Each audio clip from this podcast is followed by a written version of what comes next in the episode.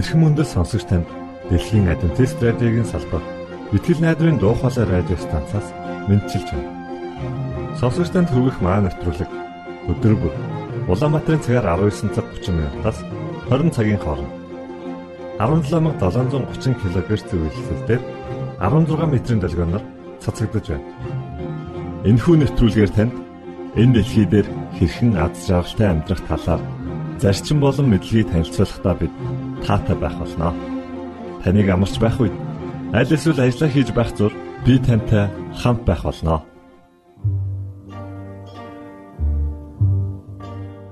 Өнөөдрийн дугаараар та бидний эрүүл мэнд юу бодож байгаатай маань холбоо хамааралтай юу гэдгийг олж мэдэх болно. Харин уран зохиолын цагаар Арчи хүүгийн багын мөрөөдөл түүний гэр бүлийн хүмүүс хэн байсан? Мөн түүний амьдралын талаар хамтдаа сонсох болно. За ингээд танд нэвтрүүлгүүдэд хүргэж байна.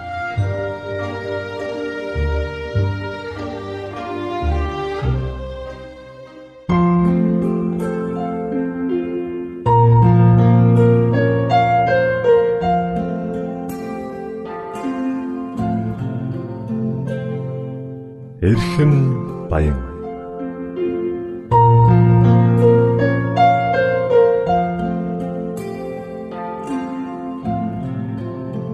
эрүүл амьдрах арга ухаан зөвлөмж тайлбарыг хүргэдэг эрхэм баян нэвтрүүлгийн шин дугаар эхэлж байна.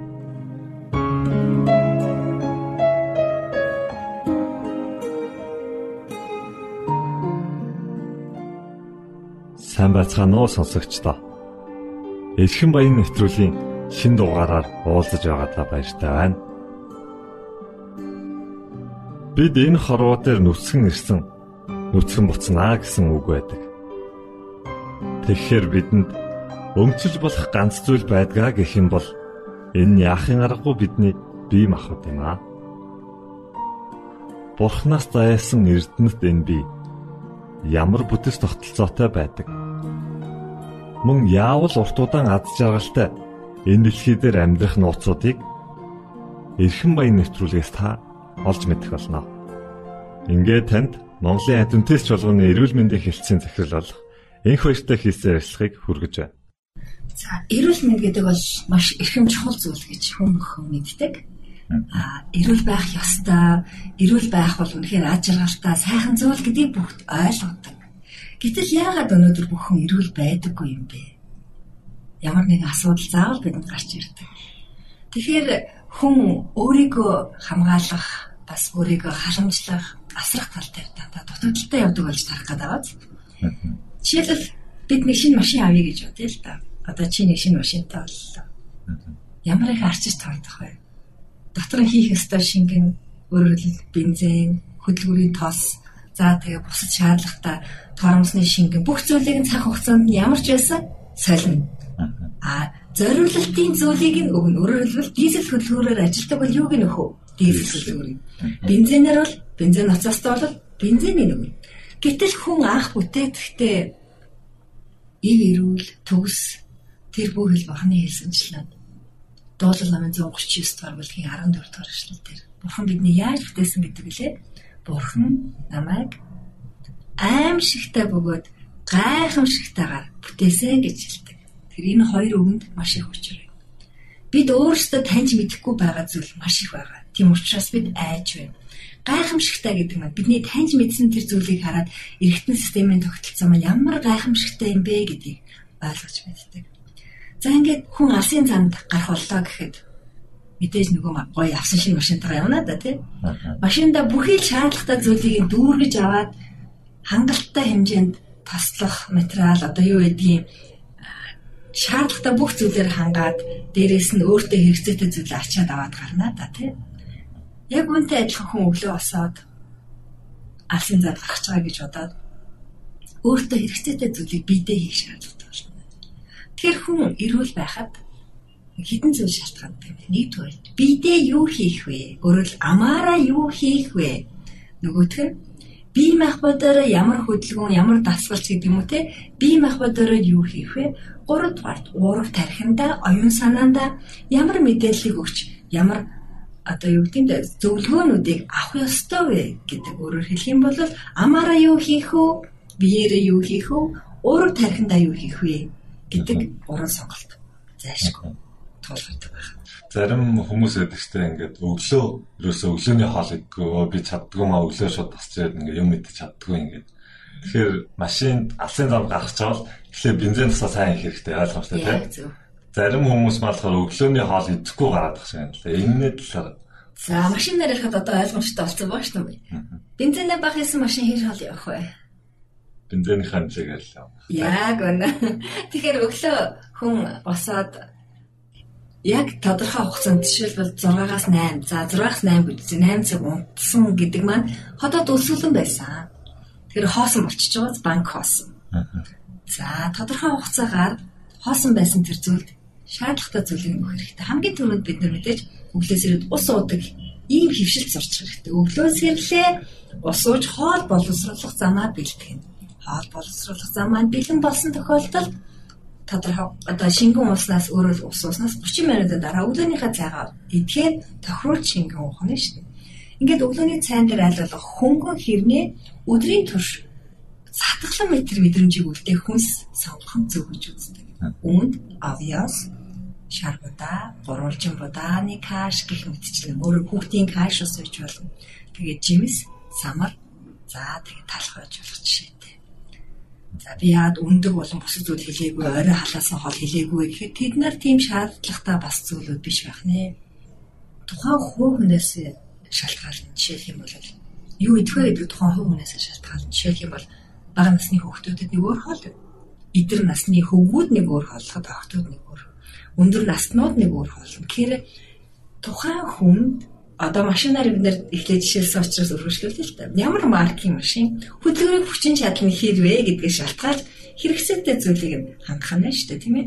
Бас зарим нь өөр тос шаардлагатай байдаг. Өөр бензин түл шаардлагатай байдаг гэдэгчлэн хүн хүн өөр өөр гэсэн хоол боловсруулах шатаах процесс нь бас харилцан адилгүй байдаг учраас зарим хүнд өглөөд идж байгаа хоол хүнд байхаар хоолой шингээхэд бас хүндрэлтэй.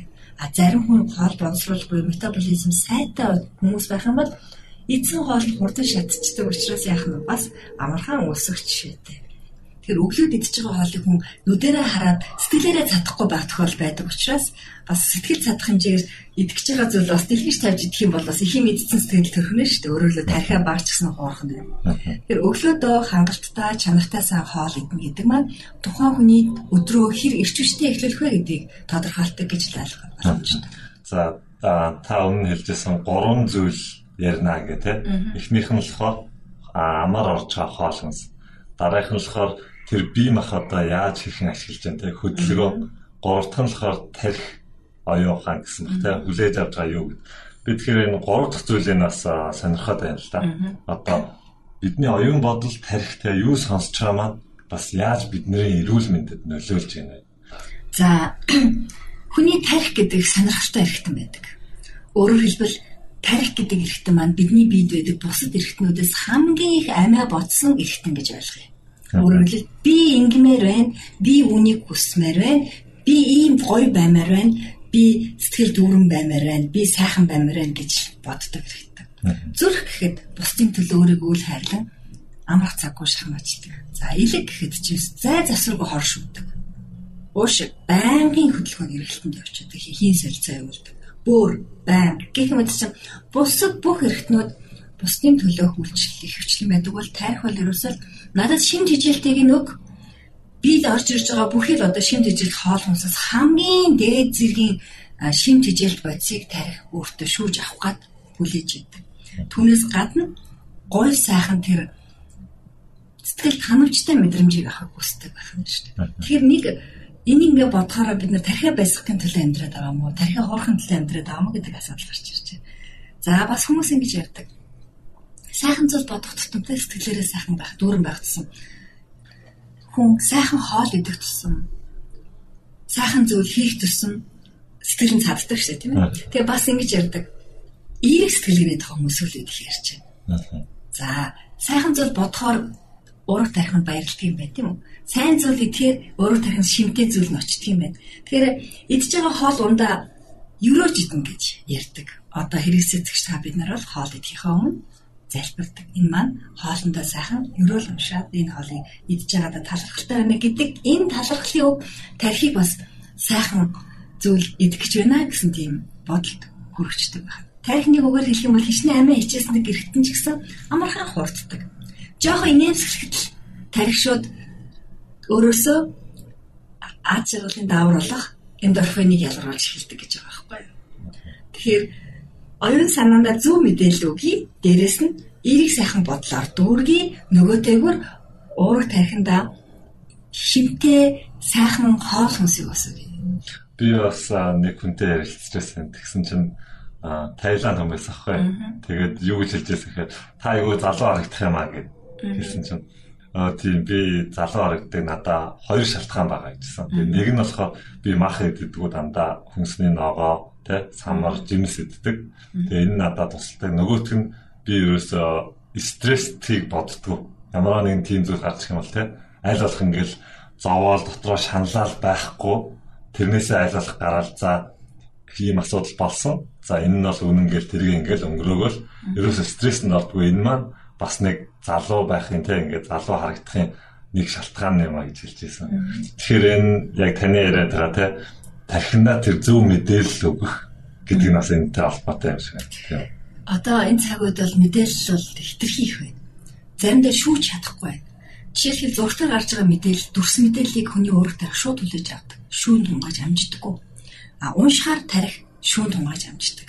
Тэгээ уншсан зүйлээ биелэхийн тулд хийхээр тарихынд тэр нь яг тогтож өгдөг. Жишээлх юм бол мэдрэлийн хэс гэж байдаг л да тэр мэдрэлийн эс маань өөрийн гэсэн богино холбоосуудыг үүсгэж, синапсуудыг үүсгэж тодорхой нэгэн зүйлийг байнга үйлдэснээрээ хөвшил буюу дадлыг тогтоодог. Өглөө босоод ус уугаад тодорхой хугацааны дараа өглөөнийхөө цайгаа уугаад сургачих юм бол тарих яах вэ? Энэ хэмнэлт тэр чигтээ дасаад орчдөг байна. Ингээд энэ үүссэн синапсууд нь буюу өөрөөр хэлэх юм бол тархины тэр мэдрэлийн эсүүдийн холбоонууд нь энэ үйлчлийг хийдэг болгоод сургачдаг байна. За хоолны дундуур юм идээд сурчих юм бол тарих хоол эзэнс 2 цагийн дараа л юм идмээр санагддаг мэдрэмжийг шамд хариу уруулаар үзүүлээд эхэлнэ. Тэгэнгүүт за тэгвэл би энэ үед снак буюу янз бүрийн мэддэг байсан бол болоод ус уудаг болохыг гээд ус уугаа тодорхой хугацаанд яхам бол өнөө тархины эсэдж яах нь ус уудаг мэдээллийг агуулад 2 цагийн дараа хүн өсөлтөд энэ бол хуурамч өсөлт байдаг. Тэнгүүт нь хүн мэдчихдэг. Гэтэл энэ бол өвөндөө өсөлт биш хуурамч өсөлт байдаг. Тэгэхээр энийг нөгөө тархинд зөв мэдээлэл өгөх юм бол энэ бол жинхэнэ өсөлт биш. Энэ бол хуурамч. Тийм учраас одоо би зүгээр л ус уучи. Яагаад гэвэл ус уснараа миний 2 цаг өмнө идсэн хоол маань цаашаа шингэх хэрэгтэй юм аа. Энд ус хэрэгцээтэй байгаа учраас цанах өсөх төв тархинд ойрхон байдаг учраас андуурагдсан ойлголтыг миний бие махбод үзүүлээд байгаа юм. Одоо би нэг шинжлэх ухааны үндслэлтэйгээр ойлгоцсон учраас би юм идэхгүй харин ус ууя гэх юм бол тарих яах вэ? ойлгоо. Хүний тарих маш энгийн шүү дээ. Орой унтахтаа хүртэл за маргааш өглөө би 6 цагт босно гэ өөрийгөө оюун санаанууд бэлтгээд бүх юма бэлдээд за 6 цагт босоод би өглөө дасгал хийхээр гарнаа гэд бүх юма бэлдээд унтахад өглөө 6 даа унс ирч чаддаг. Тэгээ гол нь босох уугүй юу гэдэг нь сонголт болчиход байна. Яг өглөө сэрлээ гэр агшинд би одоо босох уу өргөшүүлээд унтах уу гэдэг шийдвэрийг хийн гаргах уу? Нөгөө хөөхөн гаргана шүү дээ тийм ээ одоо зөндөөл янз бүрийн сонин сэтгүүл дээр янз бүрийн бичдэг. Тэгэхээр тэр болгонд итгээд байдгүй. Тэгэхээр миний асуух гэдэг асуулт болохоор яг энэ энэхүү мэдлэг, мэдээллийг үнэн гэдгийг бид нар бас яаж мэдэх вэ? Та үүн дээр бас нэг хариулт өгнө. Миний хувьд бол би 7 дахь өдрийн адвентист сүмийн гишүүн учраас 7 дахь өдрийн адвентист сүмийн эрүүл мэндийн мэдээнд итгэдэг. Манай 7 дахь өдрийн адвентист сүмийн эрүүл мэндийн мэдээ маань Библиэлд суурилсан Эллен Вайтийн бичээсүүд дээр үндэслэсэн шинжлэх ухааны болон судалгаа шинжилгээний ажлуудын туршилтын үр дүнгуудыг тулгуурлан гэж ойлгочтой авсан өөрөөр тулгын гурван чулуу шиг ядаа бэрч нэгдүгээр Библиэд гэмээр хоёрдугаар Эллен Вайтийн бичсэн бичээсүүд байна. Яагаад гэвэл Эллен Вайтыг манай сүмийн зүүн чимэгтээ түүний бидэнд үлдээсэн бичээсүүд маань ариун сүнсээр хөлгөлөгдөж ирсэн учраас бид нэр үндэслэлтэй гэж үтгэж хүлээн авч зөвшөөрдөг. Ширлэх хоёрыг үчилж Үнхээрийн хүний ходоод бол хоол боловсруулах зам маань хүнс ногоо боловсруулахад зориулагдсан байна. Өөрөөр хэлэх юм бол махан тэжээлтэй амтан өсөн тэжилтний амьтны хоол боловсруулалтын замыг судлахад хүнийх өсөн тэжилтнийх юм шиг байна. За нөгөөтэй үр гэхэд мах буюу амьтны гаралтай бүтээгдэхүүн баг хэрглэж байгаа хүмүүс урт бөгөөд эрүүл насалт юм байна гэдгийг судалгаар гаргаад ирсэн. Тийм учраас бид нар энэ гурван зүйл дээр адвентист эрүүл мэндийн мэдээ үндэслэлтэй юм байна гэж үзэж байна. Өөрөөр хэлэх юм бол одоо тулхан гурван чулууга тавья. Библи буюу судар, Бурхны эсвэг, Элен Вайтийн бичээсүүд хажууд нь орчин үеийн өдрөөс өдөрт жилээс жилд бараг цаг минут тутамд шинжлэгдэж байгаа анагаахын шинжлэх ухааны болон эрүүл мэндийн шинжлэх ухааны болон бусад шинжлэх ухааны туршил, судалгаа, онлын үндэслэл. За тэгээд дээр нь тогоотой ус тавья л да. Тэндээс буслаад гарч байгаа ууршиж байгаа мэдээ маань юу? Манай адвентист эрүүл мэндийн мэдээ. Тэр хүн бүхэн төвөн хүрэх ёстой юм а гэсэн ийм зөвлөлийг бид үргэлж бодож байгаа тийм. За баярлалаа танд. Та бүхэн сая сонссон бахаа Эрхэн баян радио нэвтрүүлгийн мэдлэг мэдээлэл онлоод нь адвентист эрүүл мэндээс гаралтай юм байна. Та бүхэн бас зөв зүйл ярьж байгаа нь итгэж болох уу үгүй юу гэж бас эргэлзэх хэрэггүй. Энэ бол шинжлэх ухаанаар батлагдсан ийм эрүүл мэндийн систем бүхий мэдлэг мэдээллүүд байгаа юм аа. Бид дараагийн нэвтрүүлгээрээ танд эрүүл амьдралын 8 зарчим болох шинэ гараа хөтөлбөрийг танилцуулах болно. Дараагийн нэвтрүүлэг хүртэл түр баяртай.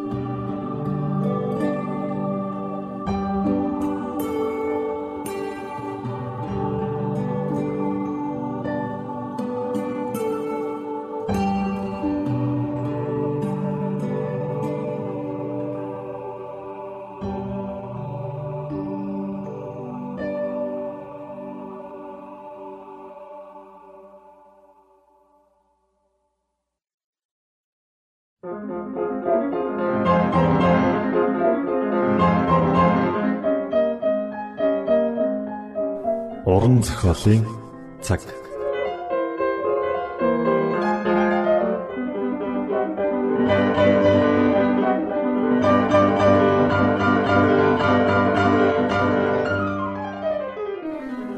Уран зохиолын цаг нэвтрүүлгийн шин дугаараар уулзж байгаадаа баяртай. Энэхүү булангаараа бид уран зохиол, утга уянга, яруу найргийн өнгө аястай ном тохиомлуудыг сонсогч та бүхэндээ хүргэх болно. Та бидэнтэй хамт байгаарай. Энэ удаагийн дугаараар эцгийн гашуун бэлэг хэмээх Арчи хүүгийн тухай гарах номыг сонирдуулах гэж байна. Хөгжмөд артн соно.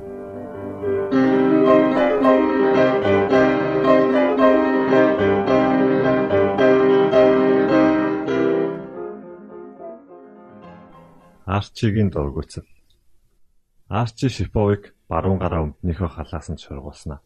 Чигийн улаан хорхоо гаргаж ирв.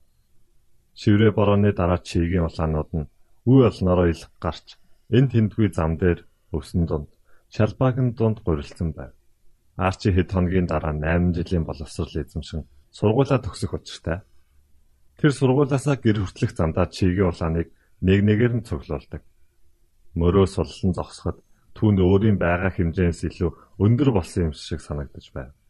Яагад гэвэл удахгүй сургуулаа төгсөх бодол борооны дараах цэнгэг агаад чийхтэй газрын өнөр Оросын шугуу дээгүр татсан солонго халаасанд нь байгаа шавартай чигийн улаанууд байсан учраас түүний сэтгэлийг ихэд догтлуулва.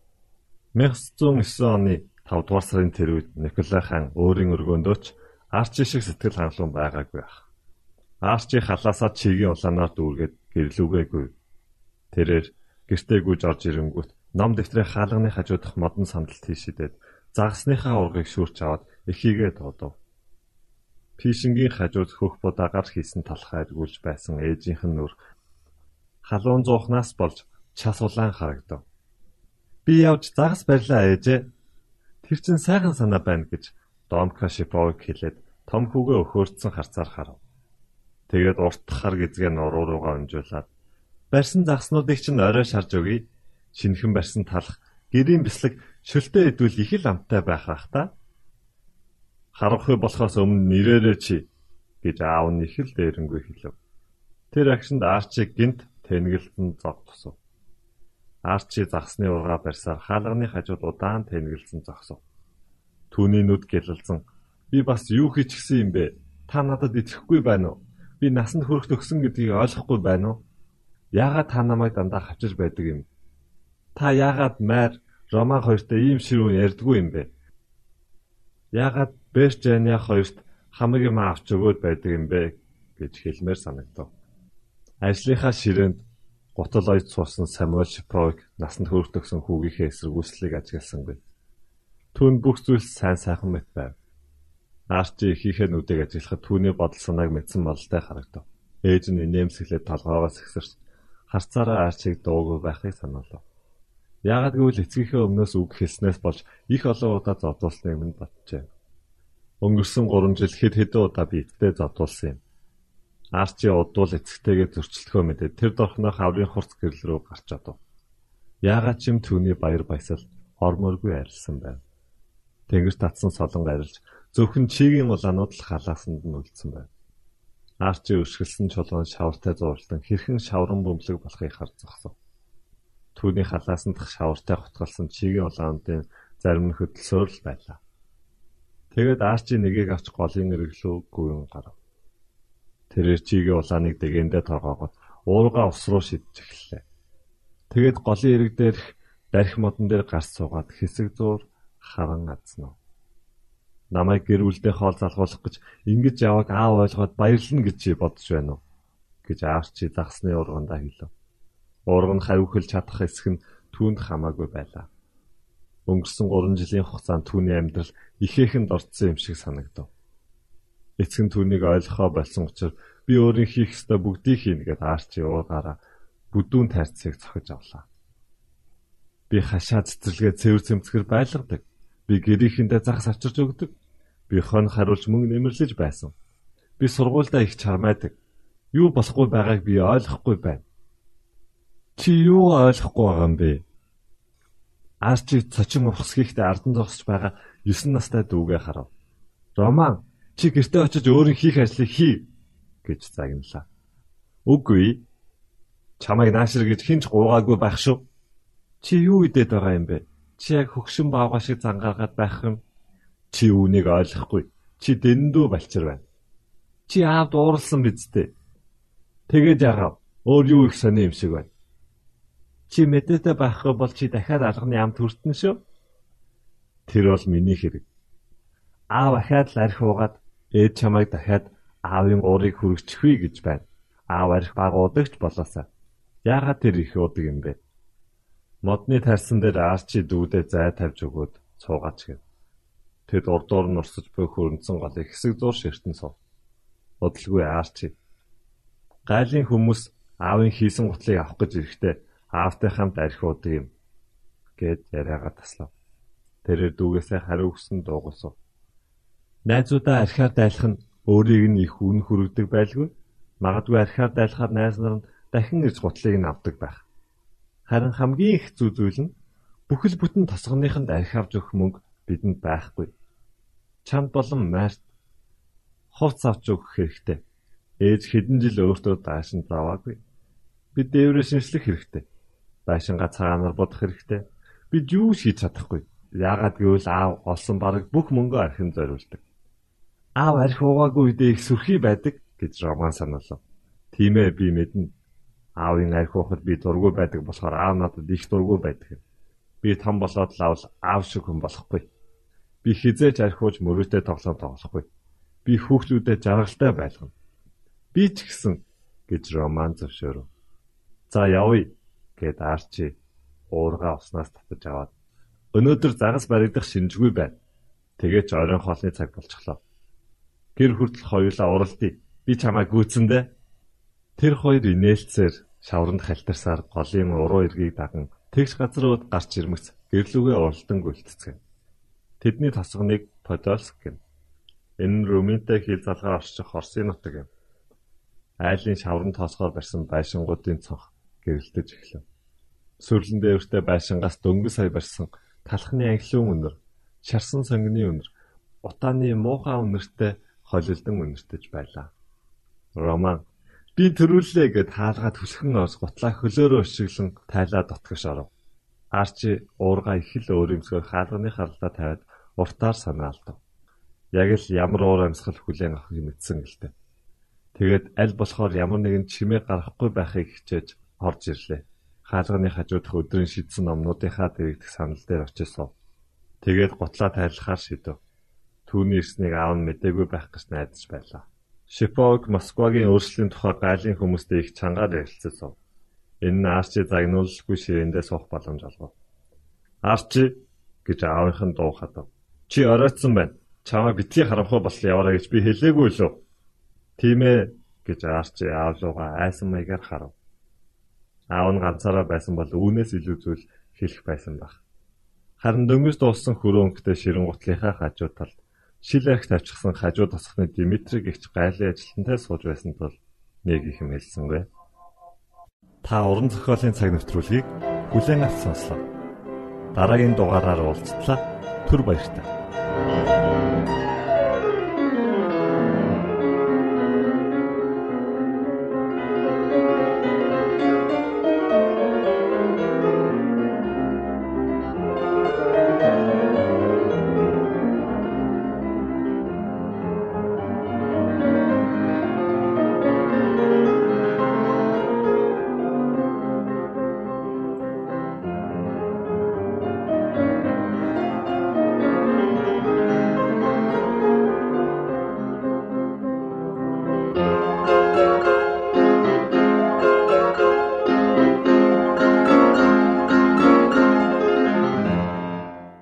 Итгэл найдварын дуу хоолой радио станцаас бэлтгэн хөрөгдөг нэвтрүүлгээ танд хүргэлээ.